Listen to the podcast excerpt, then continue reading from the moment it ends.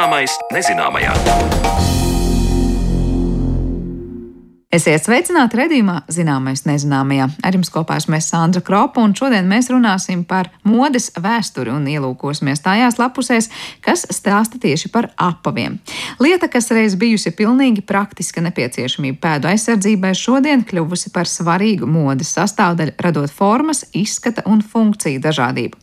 Kā tapa kurpes senatnē, kāpēc apaviem varēja noteikt cilvēku stāvokli sabiedrībā, un ko viens apavu pāris var stāstīt par valkātāju dzīvi, par Par to šodien runāsim raidījuma otrajā pusē. Bet pirms tam aicinu ieklausīties mūsu arhīvu stāstā.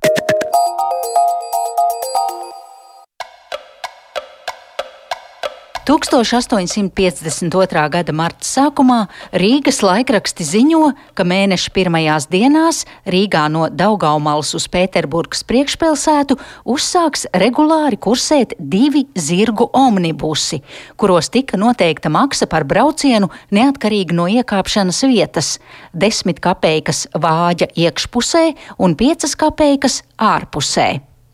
Tā savā grāmatā Rīgas sabiedriskais transports no 19. gadsimta vidus līdz mūsdienām raksta vēsturnieks un industriālā mantojuma fonda valdes priekšsēdētājs Andris Biedriņš.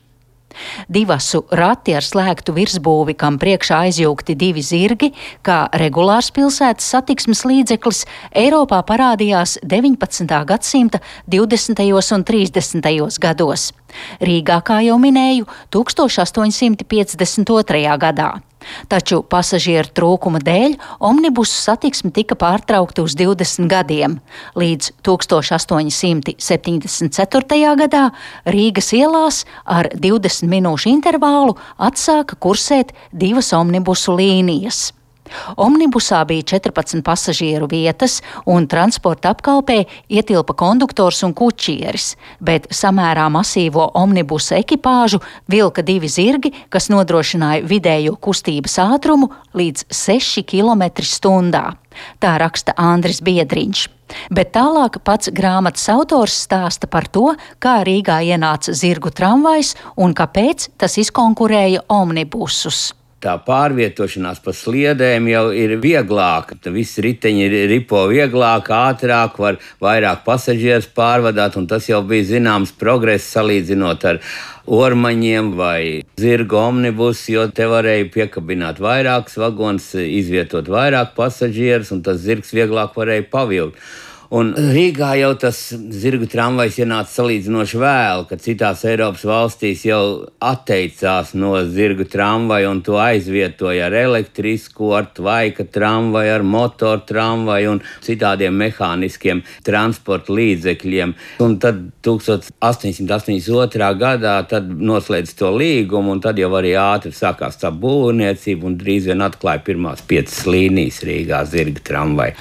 Vai jums ir informācija, kā kādus zirgus izmantoja, vai bija speciāli kādu vilcēju, darba zirgu šķirni un cik zirgi tika aizjūgti priekšā tramvaju vagoniem? Bija, kad vilka vienu vagoniņu, bija arī, kad divus vagoniņus vilka, un bija lielie vagoni un mazie vagoni, un ziemas vagoni un vasaras vagoni, un pārsvarā jau bija ar diviem zirgiem, bet vilka arī ar vienu zirgu. Un, nu, kā aprakstīts, tad tie nav bijuši vietējie zirgi, bet tādi speciāli no Tambovas gubeļņu zirgi, kas te tika ievests šim nolūkam. Un viņiem bija speciāli staļļi, un kopā ar, ar tiem konduktoriem vai zirgu, kā lai saka, kučieriem, telpas, kur atradās zirgi, un līdzās arī atradās tās telpas, tur, kur atpūtās tie kučieri.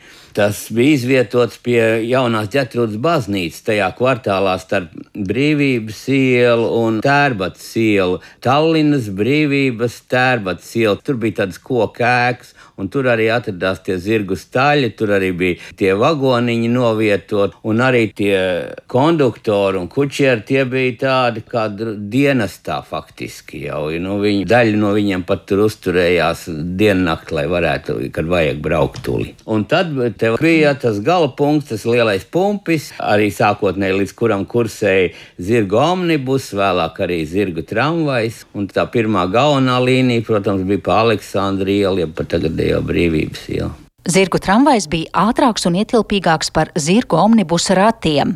Slēgtajā vagonā, saskaņā ar instrukciju, vienlaikus drīkstēja pārvadāt līdz 28 pasažieriem.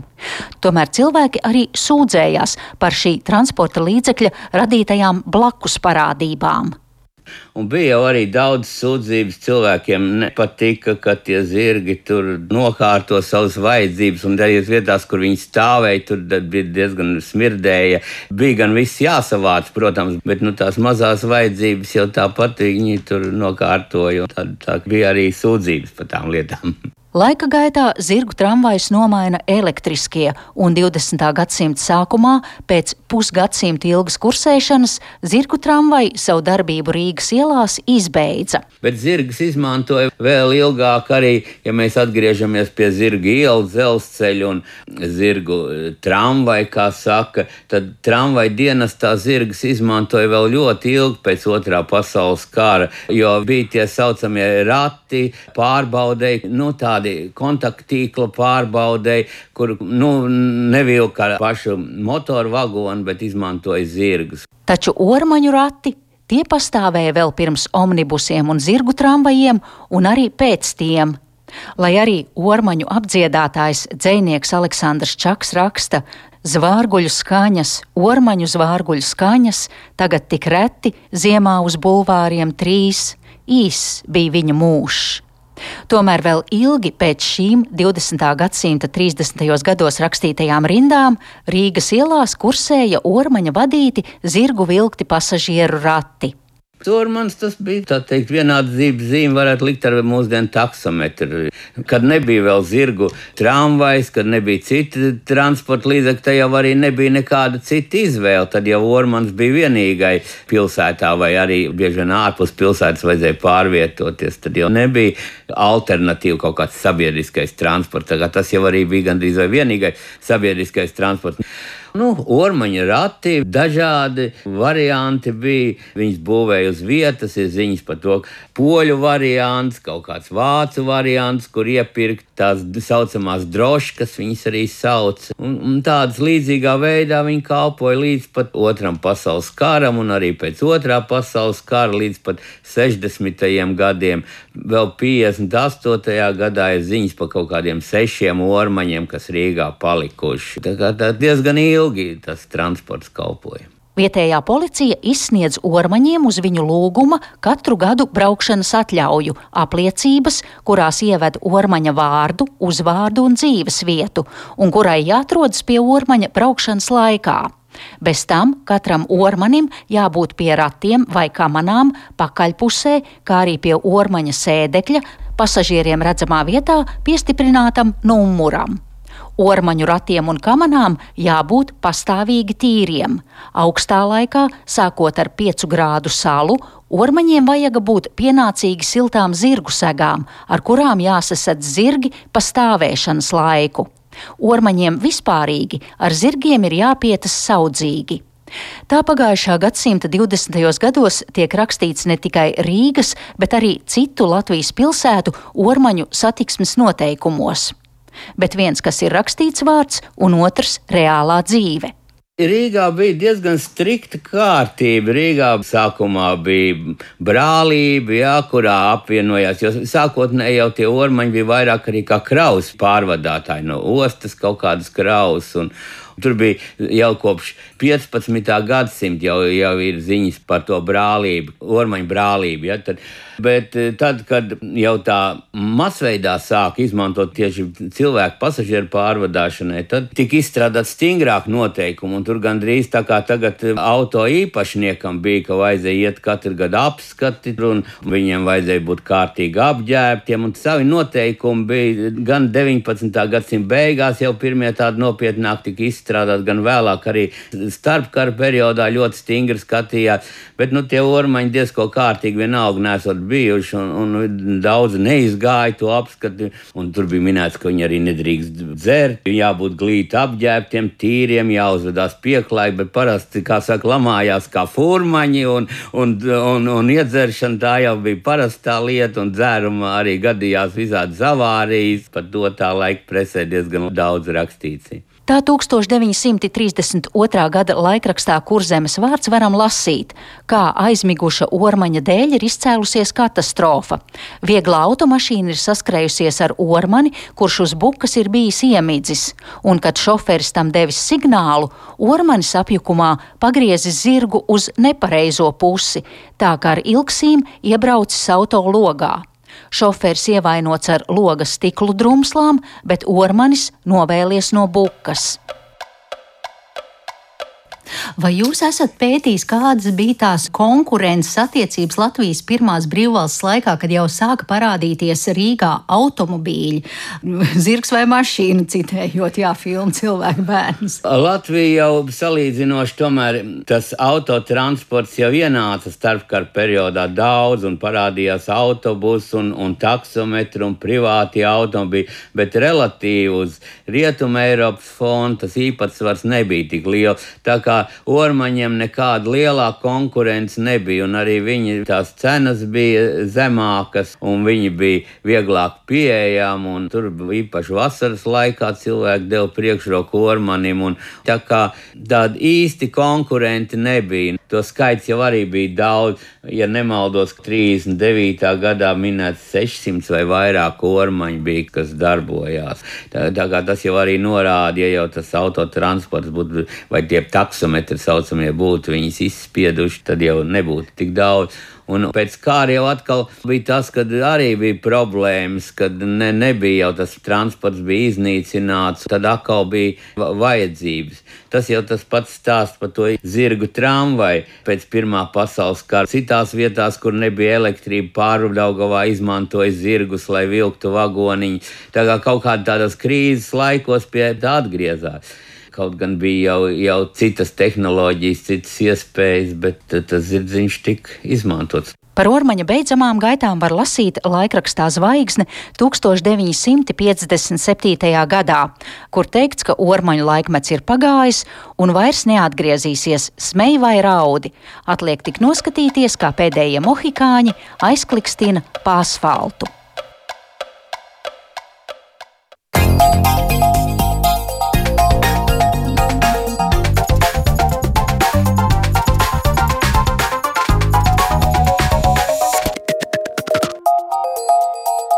Zināmais nezināmajā. Jau daudzkārt raidījumā esam pievērsušies modes un apģērba vēsturei un atkal apliecinājuši, ka apģērbs ir kā laikmeta esence, kurā paustas gan sabiedrības normas un vērtības, gan dzīvesveids un pat tehnoloģiju attīstība. Turpmākajās minūtēs mēs pievērsīsimies apavu vēsturei no funkcionālam pēdu aizsargam līdz izsmalcinātiem un grūti valkājumiem status simboliem. Apava ir neatņemama mūsu ikdienas dzīves sastāvdaļa arī šodien. Bet kā tas bija senākā un pavisam nesenā pagātnē? Pagātnē, kurā brīdī apavi ieņēma modes virsotnes. Par to taču runāsim arī ar manu viesņu, mākslas zinātnes doktoru un modes vēsturnieci Edīti Paruti. Sveiki, Edīti, un prieks sveikt atkal studijā. Uh, apavi laikam ir tāds plašs jēdziens. Es jau te nedaudz ieskicēju, kurā brīdī mēs sakām, nu, kaut kas, kas aizsargā pēdu, un es nezinu, kādās kultūrās kāda, nezinu, auga lapa piesieti pie kājas būs de definējama kā apaus vai nebūs. Kad mēs sākam runāt par apaviem modes vēsturē? Mēs sākam runāt eh, par apaviem. Eh, sākot ar eh, vissenākajām civilizācijām, nu, principā tas būtu seno tuvo austrumu kultūras. Nu, tādi spilgti piemēri nāk prātā no senās Eģiptes, kur tā arī, lai pasargātu pēdas no karstajām tūkstneša smiltīm, tiek izmantotas kaut vai koka dēlītis. Uh, kurā ir e, teiksim, caurumiņi un, un, un tur tādas attiecīgi aukliņas, ar kurām to dēlīt vienkārši piestiprināt pie pēdas. E, bet nu, tas par to funkcionalitāti. Protams, kad ir, ir šis modes konteksts, ir statusa simbolika, ir starpkultūru kontakti, piemēram, senajā Eģiptē. Vispār apavu izmantojums saistās ar hetu ietekmi. Un, Apavi ir, ir bijis tāds, tāds ļoti augsta sabiedriskā stāvokļa simbols. Eh, pat valdnieks ne visās situācijās drīkstēja valkāt apavus. Eh, līdz ar to jau no agrīnajām dinastijām mēs redzam, ka ir uh, norādes par tādu īpašu amatpersonu, piemēram, sandaļu nesēju. Nu, tad šis sandaļu nesējs pavada faraonu visās viņa dzīves gaitās, dažādās ceremonijās viņš viņu pavada. Un, un, nu, viņa tā galvenā funkcija ir nest līdzi šos apavus, tad, kad šie apavi būs vajadzīgi kaut kādās rituālās situācijās. Nu, vispār apavi ir pietiekuši dārgi. Tā tas visos laikmetos ir bijis. Protams, vairāk tur ir jāiegūda šīs pievienotās vērtības, un arī materiāli ir um, ne tik plaši varbūt, pielietojami, kā tas ir apģērba izgatavošanā.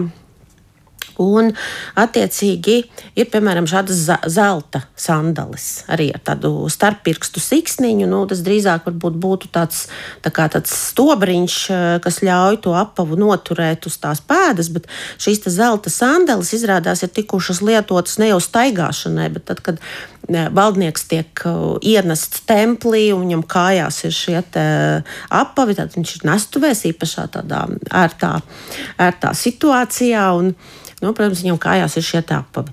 Vēl arī abadīšanas um, inventārā ir uzieti šie zelta apavi.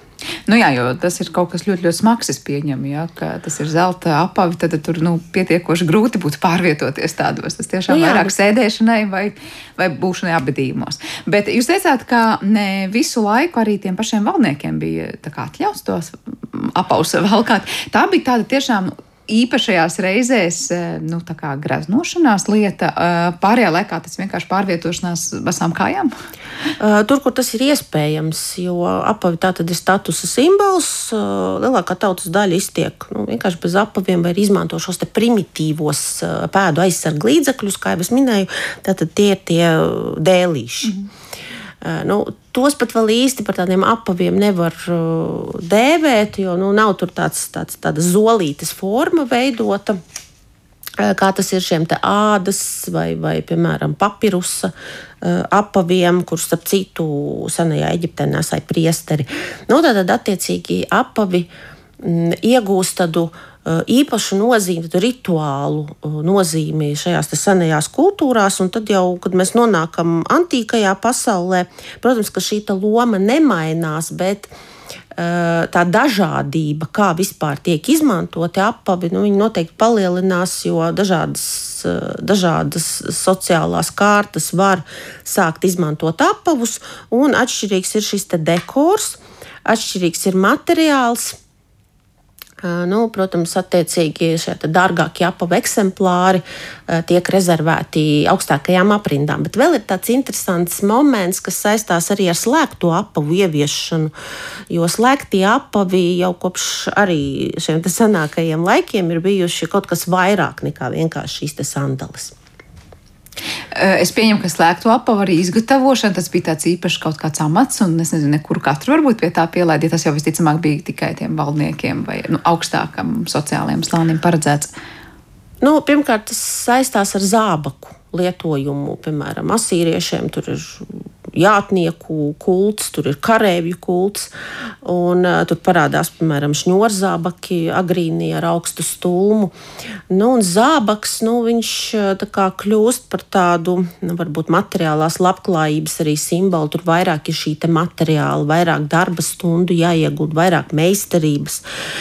Uh, attiecīgi, tas veido šo tiltu uz bruņniecības laikmetu kad uh, bruņinieka zābaks jau kaut ko nozīmē, teiksim, viduslaika Eiropā. Es iedomājos tagad par to senatni, kaut vai domājot, protams, ka mēs, mēs runājam par Eģipti un, un, un tām teritorijām, liekas, nu, visticamāk, jā, tur atvērts sandāls varētu būt tas, kas ir pieejams eh, gan jau nu, lielā gada, gada griezumā. Kas notiek arī senākos laikos šeit, kur tie gada laiki mainās un tās ziemas un, un citi laikapstākļi bijuši, vai tur uzreiz tie slēgtie apavi, tad bija tie, nu, tie no zābakiem atvasinātie, kas jau pieteica, vai arī tas ceļš gāja no kaut kādiem atvērtiem, kad, nu, beig beigās es nezinu, kā tās kājas sargāja tajā augstajā laikā. Uh, nu jā, ir, ir dažādas metodes. Ir piemēram bijušas jau kopš seniem laikiem virskorpes, kuras mēs arī pazīstam kā koka tupeles. Parasti tā tāda koka zolīte.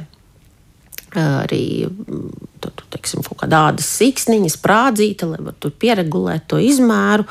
Un vēl ir tāda interesanta lieta, ir šie detaļu apavi. Tīri tipoloģiski, kad jau ir tur atsevišķas detaļas, tu teiksim, mēlītes, šņurītes, kaut kāda kapes daļa, atsevišķi tiek veidota, atsevišķi veidota zole. Bet ir apavi, kaut kas ļoti līdzīgs pastāvām arī visā Eiropā tika izmantoti jau bronzas un dzelzceļa laikmetā šādi viengabalaini apavi, kur teiksim, no kaut kāda ādas gabala to īpaši salokot, tad izmantojot atkal šīs šņurītes, eh, viss tiek nostiprināts, piesiets un izmantots eh, dažādās situācijās. Bet tad, kad tiešām ir vajadzīga pēdas pasargāšana, Eh, no kaut kādiem ārējiem vidas apstākļiem vai no augstuma, tad tiek izmantots kaut kāds paaugstinošs elements, un tad nu, tās stupeles, virskurpes, tas ir tāds elements, kas īstenībā evolūcionē līdz pat 17. gadsimtam. Pat, eh, tas jau faktiski pat galma kultūras ietvaros tiek izmantots kā elements. Muzejos ir redzēts arī šīs ļoti milzīgās platformas. Nezinu, zola veids arī to dubļu pasargāšanas funkciju, vai tas ir kaut kas pilnīgi cits, tādas ļoti augstas eh, kurpes savu ceļu sāk varbūt no pilnīgi citas motivācijas, protams, padarīt tos vēl kā tādu garāku. Jā, tur ir, protams, arī šis vēsturiskais konteksts, kas saistās ar tās augtajām čopinēm, viens no apzīmējumiem, kas arī tiek lietots modes leksikā. Un arī šīs ļoti, ļoti augstās platformas. Nu, tur ir arī daudzas tādas hipotēzes par šo apavu izcelšanos antīkajā pasaulē. Piemēram, viena no versijām, piemēram, tā ir antīkā kultūra. Piemēram, teātros aktieri izmanto koturnas. Tā ir jau senā Grieķija. Tad Kas ir koturnas? Koturnas tas ir tādas ļoti, ļoti augstas kurpes. Principā tur ir tāda korķa platforma. Un, attiecīgi, aktieri izmanto, lai viņu skatuves izstītos tā tādi pamanāmāki, lielāki, arī tiešām auguma palielināšanai. Nu, vēlāk jau šādi apavi kļūst par status simbolu. Un, uh, interesanti, jā, ka tajā pašā Venecijā atcerās par, par uh, iespējams atcerās, jo mēs nevaram nekad droši zināt, kādi ir bijuši tie ceļi un līkloči, kā šie apavi nonāk līdz Eiropai. Tā tad ir, ir vēl versija arī par um, Ķīnas ietekmi, Ķīnas imperatora galma ietekmi, jo tur jau atkal tie austrumi, kā viņi miedarbojas ar rietumu kultūru, ļoti daudz iespaidu arī pārceļo laikmetu gaitā. Uh, Un eh, tas būtu viens eh, no ceļiem. Nu, otrs tā ir šī antīkā tradīcija, par kuru renesanses laikmetā atcerās uh, Eiropas uh, kultūrā. Nu, jā, un tad ir pat bijuši tādi 90 centimetru augsti koturnu, uh, ne, ne koturnu, bet vispār šo augsto platformu tādi, tādi apavi sievietēm, kurtizānēm. 90 centimetri? 90 centimetri, jo viņas pārvietojās ar pavadoņu starpniecību Nu, burtiski nu, tur, tur, tur normāli pārvietošanās nebija iespējama. Viņas vienkārši nesa. Es nezinu, kā var gandrīz metru augstu platformu pārvietoties. Nu, jā, tas, tas varētu būt tāds arī tāds varbūt, um, attribūts, kas kaut kādā noteiktā situācijā ļauj varbūt paspērt dažus soļus, un, un tad jau ir vienkārši jāiekāpj citos apavos, lai, lai varētu normāli justies. Uh, tad, nu, jā, šādi stāsti ir, un, un um, Eiropas muzeja kolekcijās, ap citu, ir saglabājušies šādi eksemplāri, un, un, un ap citu agrīnākie ir ar Spāniju saistāmi tādas platformenes kuras ir datētas kaut kur pat ar 12. gadsimtu, kad jau tiek izmantotas tādas koka tupeles, bet nu, vēlāk jā, tas augstums palielinās līdz 16. gadsimtam diezgan ievērojami. Kas ir tas brīdis, kad tas krītas? Jo šobrīd es nezinu, nu, ir platformas, bet tās nekad nebūtu tik ļoti augstas. Ir kaut kad modes vēsturē kaut kāds lūzuma punkts, kas notika. Nu, jā, tas ir tas pats 17. gadsimts, kad papēži tomēr saglabājas kaut kur 17. gadsimta sākums, bet kad nu, ir vienkārši normāli apavi, atkal tā pati kalma kultūras vide. Uh, tiek nesāts nu, teiksim, 5 līdz 7 centimetrus augsts papēdis, pie kam papēži arī vīriešiem. Un, un tad jau tā interese atkal ir tāda cikliska, kad viņi atkal parādās par šiem augstajiem papēžiem. Ir, ir, uh, tas būtu jau šis rokoko laikmets, uh, kad papēdis ir izliekts sieviešu apavos. Tātad, uh, un uh, tiek uh, tātad šī uh, apavu forma un arī papēža forma tiek sasaistīta ar tādu populāru motīvu tajā laikā, tā saucamo rokāju. Nu, tas ir izliekts tāds, tāds elements, ornamentā, dažādos dekora elementos, jā, un, un, un tas arī it kā esot saistāms ar šo papēža formu, kad papēdis ir izliekts. Tas ir, starp citu, tas pats interesantais elements, kas atgriežas nereizi vien, bet vispilgtāk 20. 20. gadsimtā atceramies Kitten Hill, eh, jeb, jeb tādu. Nu, eh, papēža forma, kas saistās arī ar 60. gadiem, kas saistās arī ar, ar šo te uh, Audrijas Hebērnas teikt, publisko tēlu un dažādām um, asociācijām jau tādā populārajā kultūrā. Tad patiesībā modes vēsturē mēs varam izsakot, ka tas cikliskums ir tiešām jau no citiem gadsimtiem. Ir kaut kādi elementi, kas vienkārši citos vaipstos tiek ietverti un, uh, un atgriežas nemitīgi modē. Mēs runājam par tieši apaviem. Vai tas būtu papēdis vai forma vai platforma, vai, vai vēl kaut kas cits. Um, kā bija ar tiem papēžiem vīriešiem? Uh, parasti visiem liekas, nu, tur laikam Francijas karaļnams ir pie vainas, un uh, laikam pat vienā brīdī bija obligāti um, vīriešu apaviem jābūt ar papēžiem, jo laikam pats karalis ļoti bija interesēts par to, lai, lai visiem tā būtu. Uh, tur atkal liekas tā nesaprašana, nu, kur tad ir tas status simbols, kāpēc tad visiem būtu tiem papēžiem jābūt. Kādas ir tās motivācijas vīriešu papēžu apavu izvēlē? Tas ir atkal, lai paaugstinātu vienkārši augumu vai demonstrētu savu varu. Jā, nu tad, kad pirmais papēdis vispār vīriešu apavos parādījās, tas ir uz robežas tātad 16. gadsimta beigas, 17. gadsimta sākums. Nu, kaut kur tā, tāda gadsimtu mijas situācija, kad parādās šis pavisam nelielais papēdīts. Un kas ir interesanti, ka augstmaņu aprindās parādījās interese šo pavisam nelielo papēdīti nu, iekrāsot sarkanu. Vai nu to koka klucīti apvilka ar sarkanas krāsas ādu, vai arī nu, tiešām nokrāsoja.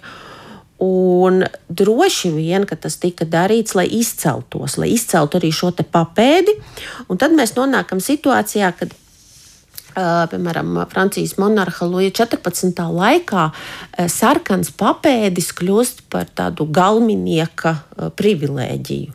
Nu, tad, kad karalim ir šādi apavi, nu, tad nu, visdrīzāk tikai troņmantinieks varētu uzvilkt vēl arī šādus apavus, bet arī nu, situācijā, kad viņš vienkārši nav vienā kopbildē ar šo monarhu. Uh, Eh, kas šajā brīdī ir valdošais. Tas, ko mēs redzam Eiropas kontekstā, arī varbūt vietējā Latvijas teritorijas mērogā, kad parādījās šādi sarkani papēži, 17. gadsimtā arī ierēdniecībai.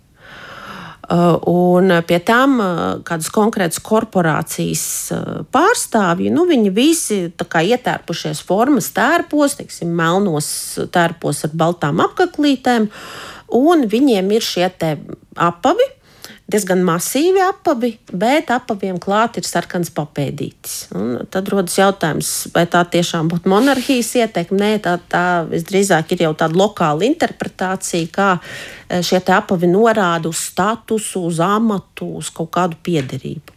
Bet tas papēža augstums vai lielums, kā nu pareizāk būtu jāsaka, vīriešiem bija tāds ievērojams, vai tā pietika ar tādu mazu simbolisku sarkanu papēdīti, un visi saprata, ka lūk, tas jau ir e, konkrēts slānis, par kuru mēs runājam. Nu, jā, vairākums iztika ar, ar, ar nelielu papēdīti, bet ir, eh, protams, dažādi tādi nostāsti par to pašu Luja 14. laiku, par viņa apavu meistaru Nikolāle Stāžu eh, kuram it kā pats monarhs esot pasūtījis izgatavot eh, papēžus, nu, konkrēti saviem apaviem, tādus papēžus, kuriem būtu nu, vismaz 12 cm augstums. Bet tas tāpēc, ka Lūsis 14. vēlas būt arī augstāks, monumentālāks. Viņš to dara ar dažādiem līdzekļiem, un tad papēži arī varētu viņam kalpot kā šāds te, m, mm, arī papildus auguma palielināšanas līdzeklis. Nu, tad arī ir bijuši stāsti par to, ka monarhs ir vēlējies, lai šīs te, uh, apavu uh, zoles.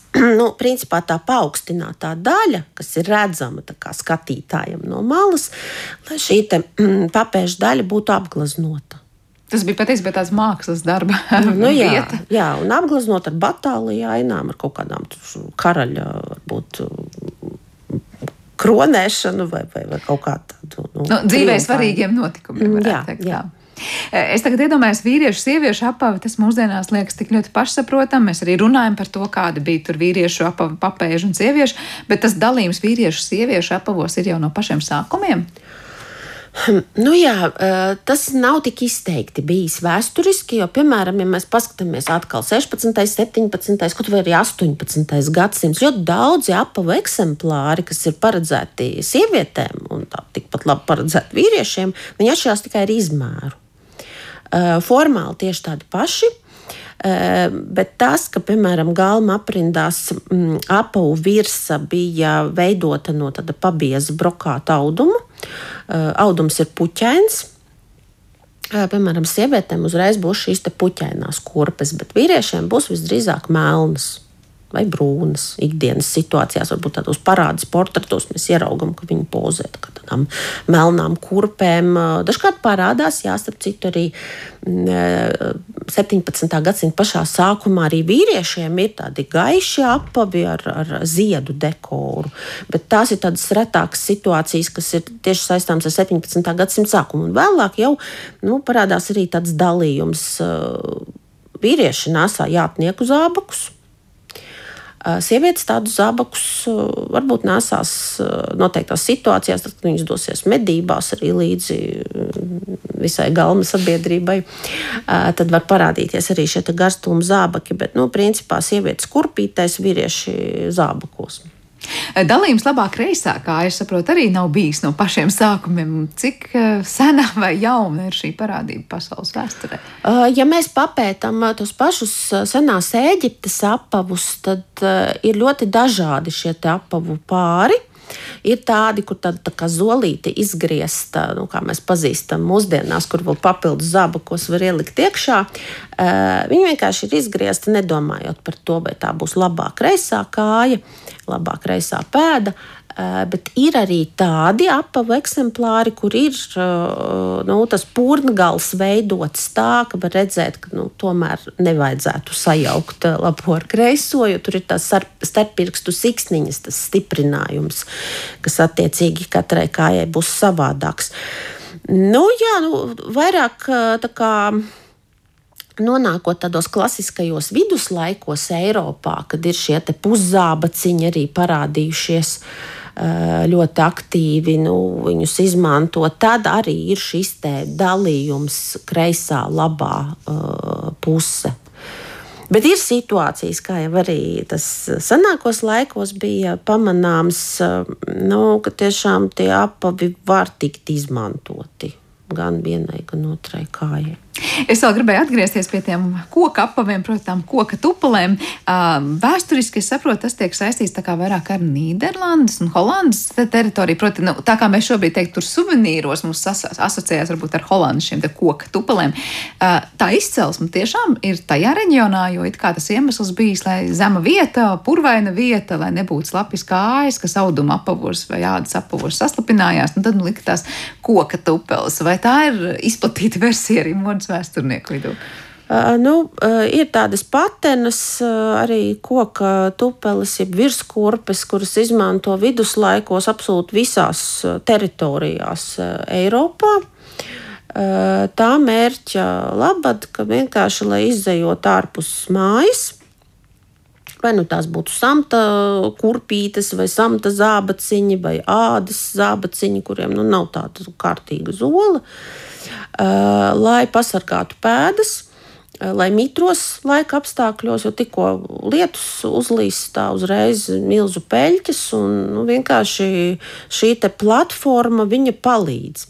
Bet mēs varam atskatīties vēl senākos laikos, kad ir tās augtās gallu kurpes, gallikas, kuras iespējams varēja veidot šo galošu aizsākumu. Nu, tas ir tāds arī terminoloģisks knivs tajā visā. Uh, un mēs varam faktiski teikt, ka jau ar antīkās pasaules laikmetu iepazīst sabiedrība Eiropas teritorijā šādas koka tupeles, kas ir paredzētas pēdas aizsardzībai. Bet tad, ja mēs atkal to tiltu uz viduslaikiem veidojam, nu, tad ir kaut kas tur tajās Nīderlandes teritorijās tiešām bijis tāds, uh, ka šo koka tupeļu ir vairāk nekā citvietā Eiropā. Un eh, pie tam Nīderlandes teritorijā koku tupelis vairāk eh, izmanto plašākas tautas masas. Tās ir parasti kalponītes, kas nesā koka tupeles un klaboša gaita. Arī viņas ļauj atpazīt eh, jau pa gabalu.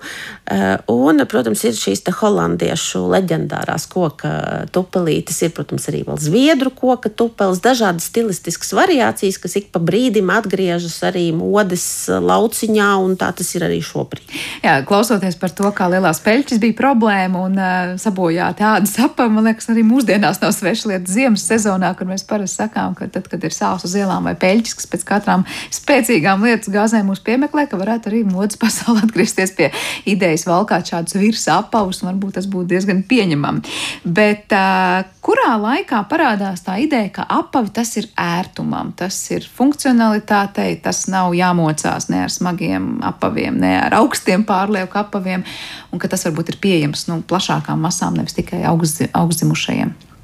Tas jau nu būtu 20. gadsimta sākums, vispār tāda sportiskās modes attīstība. Tie būtu 20. gadsimta 20. gadi, tās pirmās tenis kurpes ar audumu virsmu, gumijas zoli.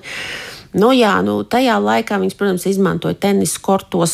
Parādās arī pirmās ziņas jau par, par sporta apavu jomu, kā tādu tiešām ļoti spēcīgu uh, virzītāju jau šajā stilistiskajā un funkcionālajā aspektā. Mēs redzam, šobrīd ir arī šis sporta apavu tāds kults savā ziņā.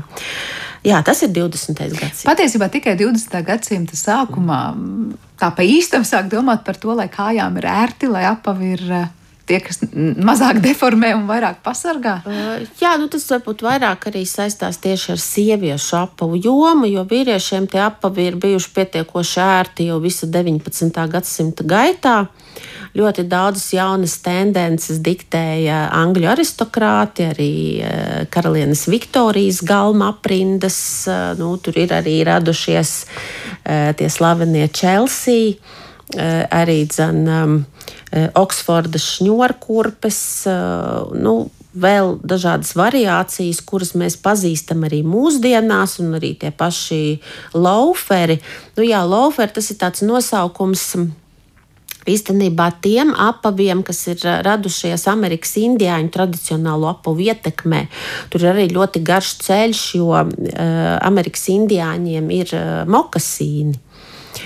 Un eh, no šiem mokasīniem arī kolonisti atvasina jau eh, tādus ērtus ikdienišķus apavus kas saistās arī ar mūsdienu šīm te tendencēm. Ir vīriešiem tāda apavi, un ir arī sievietēm parādījušies šādi apavi. Tad ir šis uniseks apavu tips, kas tikpat labi saistās arī ar šiem Chelsea zābaciņiem, kuriem vairākums arī viņus droši vien atpazīst.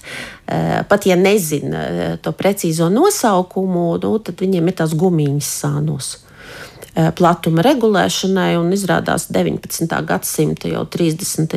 gados parādās. Jā, pateicoties karalienes Viktorijas kurpju meistaram, šī te apavu variācija, kas, protams, vēlāk vēl ir pārveidojusies un, un pilnveidojusies laikmetu gaitā, tie ir tādi brīvā laika apavi. Klausoties, liekas, tur pazīstams kaut kas ar mūsdienu tendencēm, tur un tur savukārt tās saknes meklējums krietni tālākā pagātnē.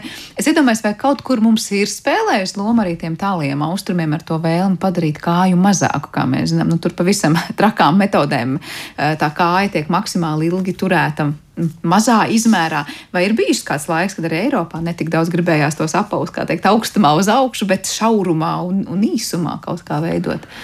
Uh, jā, nu, tas atkal neizbēgami saistās ar šo rokoko laikmetu, ar 18. gadsimtu, kad ir tas uz priekšu pabīdītais un izliektais papēdis. Un viņš ir arī vienu brīdi ļoti augsts.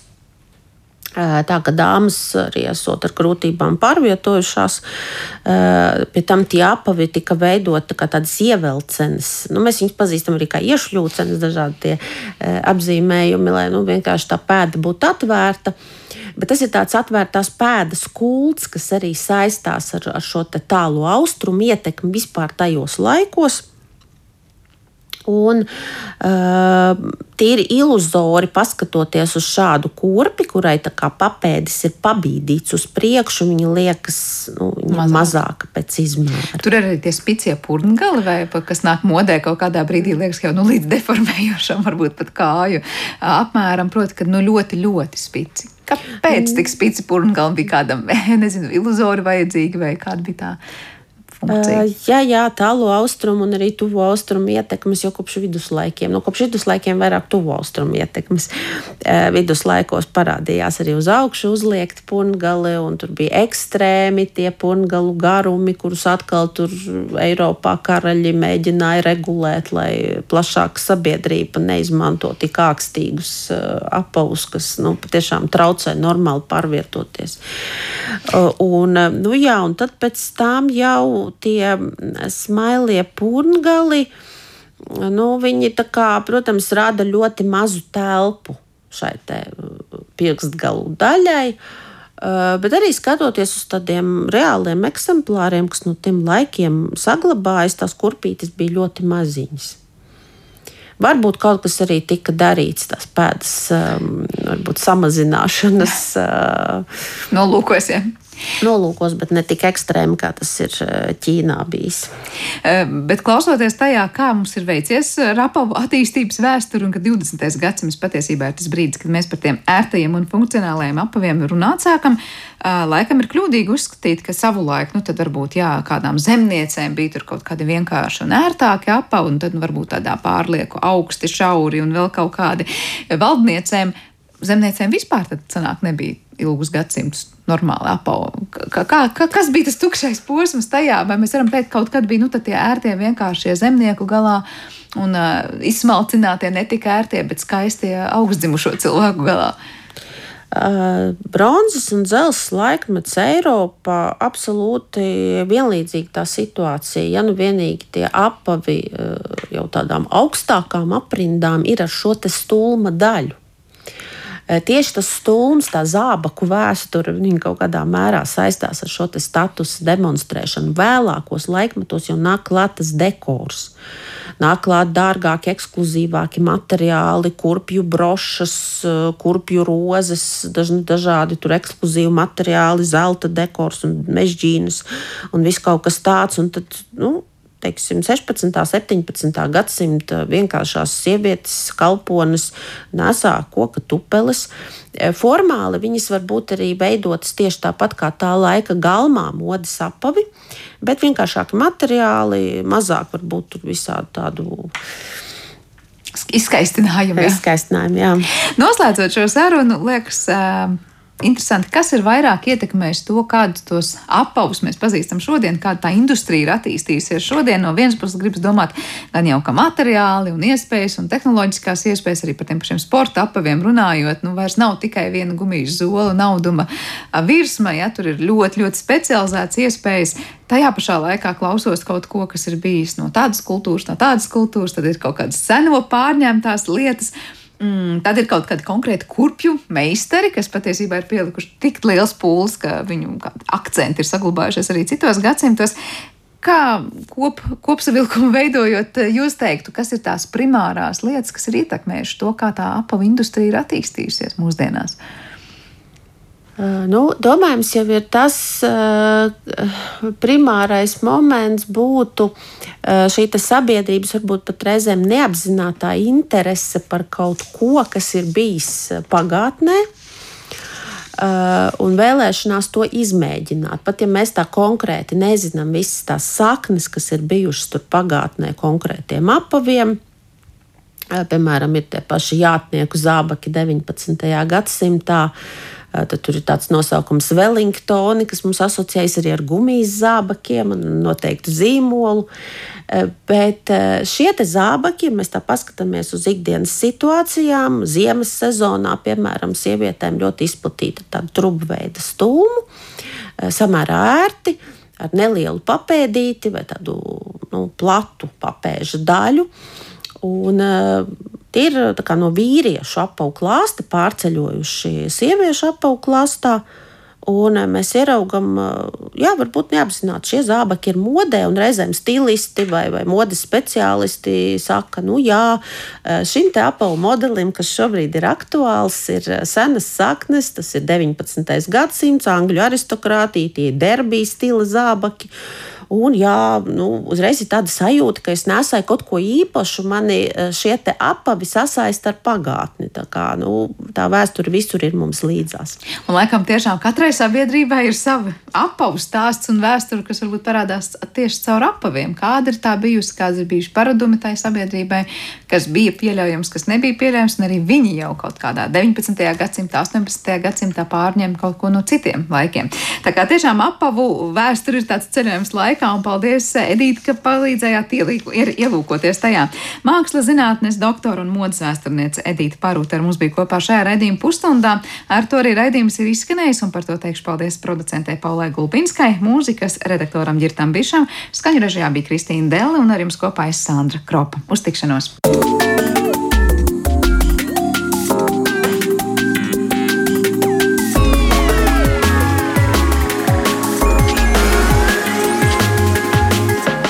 Zināmais nezināmajā.